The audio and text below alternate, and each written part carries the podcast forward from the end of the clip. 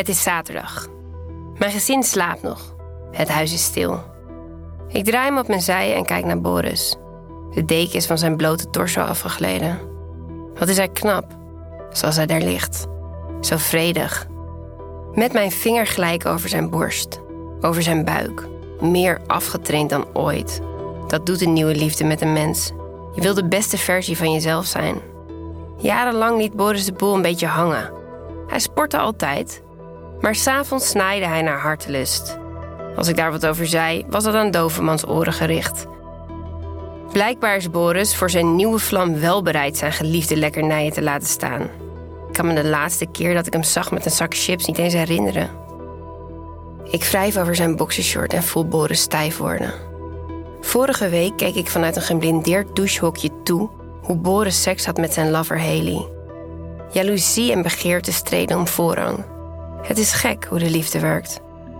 Pas nu ik op het punt sta Boris kwijt te raken, verlang ik weer naar hem. Maar mijn man ziet me niet staan. Hij wijst me steeds af. Maakt me onzeker. Want toen ik verliefd was op Deen, genoot ik nog altijd van de seks met Boris. Als we eenmaal bezig waren, vond ik het altijd lekker. Wat zegt het dat Boris helemaal geen seks meer met mij wil? Houdt hij niet meer van me? Of erger nog, voelt hij afkeer? Ik ben als de dood dat hij binnenkort met me wil praten. Dat hij me zal verlaten voor zijn nieuwe liefde. Ik zou hem begrijpen. Ik heb me de laatste jaren bepaald niet van mijn beste kant laten zien. En liefde is niet onvoorwaardelijk. Het is logisch dat Boris overweegt verder te gaan met haar. Zij is alles wat ik de laatste tijd niet ben geweest. Geïnteresseerd, warm. Ze geeft hem vast het gevoel dat hij de leukste man op aarde is. Dat staat in schril contrast met wat ik Boris liet voelen.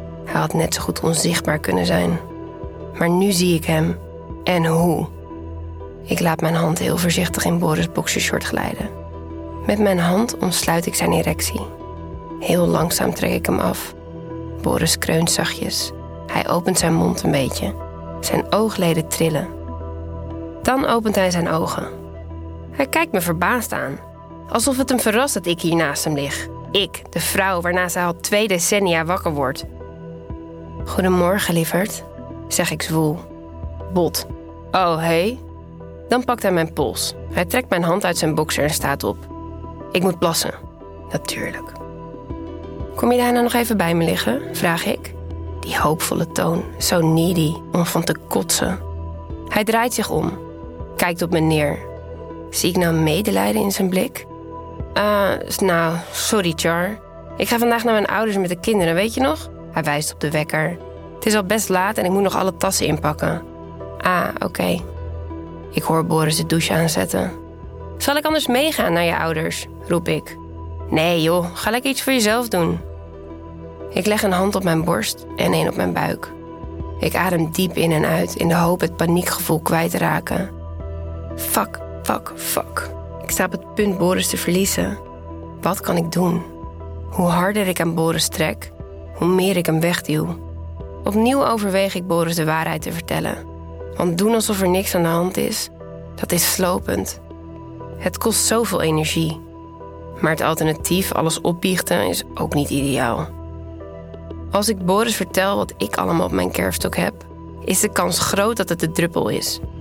Hij zou me kunnen verlaten zonder schuldgevoel. Ik sta op, loop naar de ensuite badkamer. Ik was mijn gezicht terwijl ik stiekem naar Boris' lichaam kijk in de spiegel. Zeepsop druipt van zijn lijf. Zijn spieren spannen zich als hij zijn haar wast. Ik schraap mijn keel. Boor? Ja? Je ziet er geweldig uit. Je bent mijn droomman. Lief, leuk, grappig. En het spijt me. Hij kijkt me sceptisch aan. Wat spijt je, Charlie? Dat ik je heb verwaarloosd. Dat verdien je niet. Ik loop naar de douche, kijk hem indringend aan. Ik heb Boris ontelbare keren gekwetst. En nu is hij het zat. En nu is hij mij zat.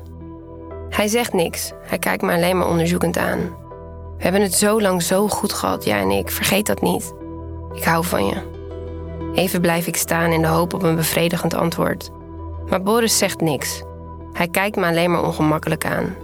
Zal ze iets vermoeden? Ik zie het hem denken. Ik draai me om, pak mijn tas in en loop naar beneden. Een hele dag voor mezelf. Onder normale omstandigheden vind ik dat de hemel op aarde. Maar nu niet. Ik wil bij Boris en mijn kinderen zijn.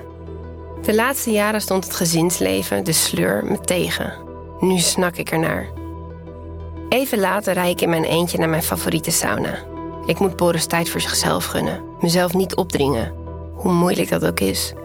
Ik moet hem laten genieten van zijn nieuwe seksleven, van zijn vrijheid. Dat heeft hij verdiend. En in de tussentijd speel ik de perfecte vrouw, besluit ik. Hij zal de komende tijd weer de Charlie zien waar al die jaren geleden voor viel. Misschien komt hij dan vanzelf tot inkeer. Ik ken hem. Hij is de beste vader op aarde. Hij zal zijn gezin niet zomaar kapot maken. Hij zal me niet zomaar verlaten voor de eerste beste yogalerares. Toch? Ik zie voor me hoe Boris naar Haley keek. Zo vol adoratie. Snel schud ik met mijn hoofd. Ik wil er niet aan denken. Na een hot stone massage en een opgieting voel ik me iets beter, minder opgefokt. Ik ga op een witte stoel zitten aan het water. Ik doe mijn kimono uit. Poedelnaakt staar ik naar de Maarseveense plassen. Er waait een frisse wind die mijn oververhitte lijf en hoofd koelt. Mijn tepels worden stijf. Druppeltjes zweet rollen van mijn borsten over mijn buik. Tevreden kijk ik naar beneden. Ik ben blij met hoe ik eruit zie. De zon breekt door de wolken. Ik sluit mijn ogen en dommel even weg. Charlie? klinkt een bekende stem naast me. Oh no, een bekende tegenkomen in de sauna. Fuck. Snel sla ik mijn kimono om me heen. Dan pas kijk ik naast me. Adam. Mijn adem stokt. Hey, zeg ik verbaasd. Hij neemt plaats op de stoel naast me. Grijns breed en kijkt naar mijn lichaam. Half verborgen onder de stof van mijn badjas. Doe geen moeite. Niks wat ik nog niet eerder heb gezien. Het is waar, maar toch. Demonstratief doet hij zijn ochtendjas uit. Holy shit. Ik gaap hem aan. Adam, mijn ex-collega waar ik een affaire mee had, was altijd al aantrekkelijk. Maar dit is andere koek. Hij heeft niet stilgezeten. Hij ziet me kijken en knipoogt. Tja, dit doet wonen in Sydney met de mens. Daar is het heel normaal om elke dag te trainen, om veel te surfen en gezond te eten. Ik kijk betrapt. Uh, staat je goed, zeg ik dan, zo casual mogelijk. Is dit toeval? vraag ik. Adam legt zijn pik goed. Stijf is hij niet, maar ook niet helemaal slap. Hij kijkt me uitdagend aan. Wat denk je zelf? vraagt hij. Ik haal mijn schouders op. Nee, natuurlijk niet. Ik hoorde Brigitte tegen Paul zeggen dat je niet bereikbaar was vandaag, omdat je naar de sauna ging. Ik wist meteen welke sauna. En dan zachter. Ik wilde je zien voor ik vertrek. Er trekt een scheut door mijn onderlijf. Ik probeer me te herinneren hoe lang het geleden is dat ik seks had. Met partner, met penetratie, met orgasme. In ieder geval niet bij de laatste mentale marteling waar Deen me op trakteerde. Ik denk aan de piepshow. Ja, dat moet de laatste keer zijn geweest, alweer maanden geleden. Fuck man, ik sta droog. Droger dan droog. Verlangen vlamt op. En Charlie, eet je nog altijd van twee walletjes? Of van drie of vier? Adam kijkt me aan, zijn hoofd een beetje schuin, zijn wenkbrauwen opgetrokken. Hij lijkt oprecht geïnteresseerd. Nou, er wordt weinig gegeten tegenwoordig, kan ik je vertellen. Oh no, arme jij. Als Adam hard moet lachen, doe ik mee. En ineens voelt alles minder zwaar. Je zal wel honger hebben, zegt hij als hij uitgelachen is. Hij kijkt me verlekkerd aan. Adams begeerte doet me goed. Zo goed dat ik er een beetje licht van in mijn hoofd word. Een man die me ziet staan, dat is veel te lang geleden. Zijn knie raakt de mijne en ik zie zijn erectie groeien, recht omhoog. Oeps, hard to get spelen in de sauna is kansloos, helaas. Hij knipoogt en ik lach terwijl ik naar zijn stijve kijk. Dan horen we voetstappen. Snel legt Adam zijn handdoek over zijn pik. Oh jee, grinnikt hij. We lachen zenuwachtig, als twee tieners. Mijn laatste avonturen waren naast frustrerend, opwindend en spannend. En ik genoot op mijn manier van de straffen van Deen. Maar echt lol met iemand hebben, dat is lang geleden. Kom mee, ik pak Adams hand, trek hem mee naar het zwembad. We hangen onze ochtendjassen aan twee haakjes. En poedelnaakt lopen we zij aan zij naar het water. Ik ga op de rand van het zwembad zitten en laat me soepel in het lauwwarme water van het buitenbad glijden. Adam springt erin. Ik zwem een stukje. Kijk over mijn schouder. Adam bevindt zich recht achter me. Hij grijpt mijn been vast onder water. Ik proest. Hij trekt me naar hem toe. Ik sla mijn armen en benen om hem heen. Zijn erectie deint in het water. Ik doe mijn kruis op het zijne. Zoem me, zegt hij dwingend. Ik druk mijn lippen op de zijne. De kus voelt als thuiskomen. Ontelbare keren eerder kusten we elkaar. En dan pakt mijn billen vast. Hij knijpt erin. Ik draai rondjes met mijn heupen. Mijn vulva bovenop zijn erectie. Hij kreunt zacht. Oké, stop ermee me zo te zoenen, Charlie. Dit valt veel te veel op, zegt hij dan streng. En vervolgens, rustig. Laten we doen alsof we een normaal gesprek voeren. Zijn lippen bewegen. Ik hoor hem wat zeggen over Sydney. Over het heerlijke weer daar. Zijn hand verdwijnt tussen mijn benen. Hij vindt mijn clitoris. Ik denk aan de eerste keren dat we seks hadden. Niet eerder deed ik met iemand die zo van wanten wist. Tot ik Dane ontmoette, had ik met Adam de beste seks uit mijn leven. Wat hij kan met zijn handen, het is magie. Ik verstop mijn gezicht in Adams hals. Ik kreun zacht. Mijn natte haren plakken tegen zijn rug en gezicht. Terwijl Adams vingers bewegen, loopt hij door het zwembad. Ik sla mijn armen en benen nog steviger om hem heen. Hij praat zachtjes, zodat het minder opvalt wat we uitspoken. Ik wil dat je me aankijkt als je klaarkomt, Charlie. Dat is zo lang geleden, zegt hij. Ik richt mijn gezicht op, kijk hem in zijn ogen. En even weet ik niet meer waarom ik Adam inruilde voor Dane. Ja, ik heb veel avonturen beleefd. Maar was het het waard, in die end? Adam geeft me een goed gevoel over mezelf. Dane niet. Adam loopt naar de rand van het zwembad.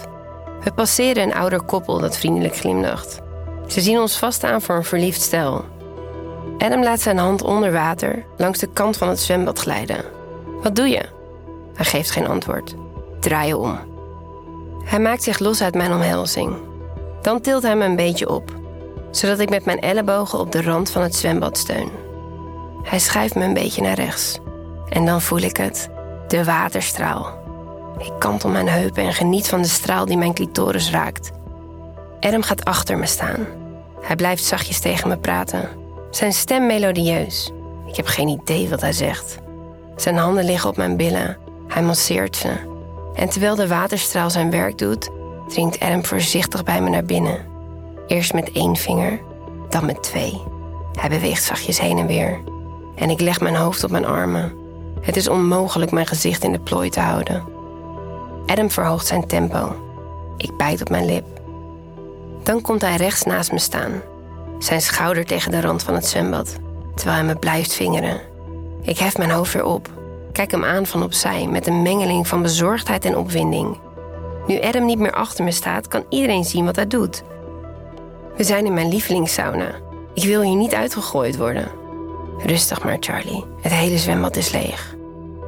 Het zijn die geruststellende woorden die me het laatste duwtje geven. Ik hap naar adem. Kijk me aan, zegt Adam dwingend.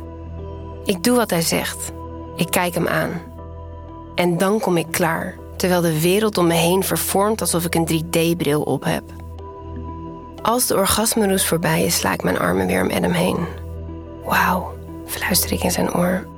Dit smaakt naar meer. Kom mee, ik weet een goede plek waar het altijd rustig is. Uh, ik kan het zwembad voorlopig niet uit. Adam duwt zijn keiharde erectie tegen mijn been. Ik grinnik. Oh ja, shit. Ik laat hem los. Ik ga je handdoek halen. Ik hijs mezelf zo geland mogelijk uit het zwembad. Even later lopen we hand in hand naar de lees- en rustruimte. Met comfortabele banken en uitzicht over het meer. Helemaal in de hoek van het saunacomplex. Op rustige dagen zoals vandaag zit er geen hond. En inderdaad, we hebben geluk. De ruimte is uitgestorven. Adam wil zijn badjas aan een haak hangen, maar ik hou hem tegen. Het is hier binnen maar 30 graden. Dus hou hem aan, dat doet iedereen. En dat is handiger. Ik kijk hem uitdagend aan. Wat ben jij van plan, Charlie? Dat merk je wel. Ik trek hem mee naar binnen. Ga hier liggen. Ik klim op de hoogste bank, zo ver mogelijk bij de deur vandaan. Adam doet wat ik van hem vraag. Ik ga bij hem liggen. Lepeltje, lepeltje. Mijn kont tegen zijn pik, die nog altijd stijf is. Ik voel het door de stof van zijn badjas heen. Hij slaat zijn arm om me heen. Hij zoent mijn nek. En ineens voel ik me content. Kalm, gelukkig. Ik kijk naar het water en draai met mijn billen. Adam legt zijn hand op mijn been. Hij pakt me stevig vast. Dan laat hij zijn hand onder mijn dunne kimono glijden. Hij betast mijn buik, mijn borsten en trekt me nog dichter tegen hem aan. Het verrast me hoe intiem dit voelt. Bijna alsof we nooit gestopt zijn. Alsof we dit al jaren doen. Hij masseert mijn borsten. Eerst links, dan rechts. Daarna daalt hij af naar beneden. Zijn hand verdwijnt tussen mijn benen. Ik til mijn knie op zodat hij er beter bij kan. Hij trekt zijn hand terug. Hij likt zijn vingers nat. Glijdt over mijn clitoris. Ik kreun. Eerst zachtjes. Maar als hij zijn tempo opvoert, harder en harder. Ik trek de stof van mijn kimono omhoog. Schuif Adams badjas opzij. En ik pak zijn erectie stevig vast. Duw hem achterlangs bij me naar binnen. Beweeg heen en weer. Laat zijn pik in en uit me glijden. Ik schok. Mijn onderlichaam trekt samen. Adam voelt het. Hij gromt zacht. We bewegen samen, in hetzelfde tempo. En terwijl we neuken, zie ik afwisselend het gezicht van Boris en dan weer van Deen voor me. En hoe lekker dit ook is, dit met Adam, ik mis ze. Ik mis hen allebei. Adam versnelt zijn tempo. Hij stoot en vingert steeds sneller. Ja, niet stoppen, hijg ik. En dan kom ik voor de tweede keer die dag klaar. Ditmaal gelijk met Adam. Zijn timing is perfect. Sommige dingen veranderen niet. Ik trek mijn badjas naar beneden en hijg uit. Dicht tegen Adam aan. Zijn armen nog altijd stevig om me heen. Ik draai me naar hem toe. We kijken elkaar aan. Ik strijk een lok haar uit zijn gezicht. Je kijkt zo triest. Gaat het wel goed met je? vraagt Adam als hij weer op adem is gekomen. Tja. Ach ja hoor, ups en downs, zeg ik. Het gaat niet goed. Ik voel me alleen. Maar dat toegeven, dat gaat me te ver. Even denk ik aan mijn vriendinnen. Sinds ik vreemd ga, voel ik me vervreemd van alle mensen waarvan ik hou. De leugens scheppen een grote afstand. Ik kan nooit vertellen wat er werkelijk door me heen gaat. Daarom ga ik hen steeds vaker uit de weg.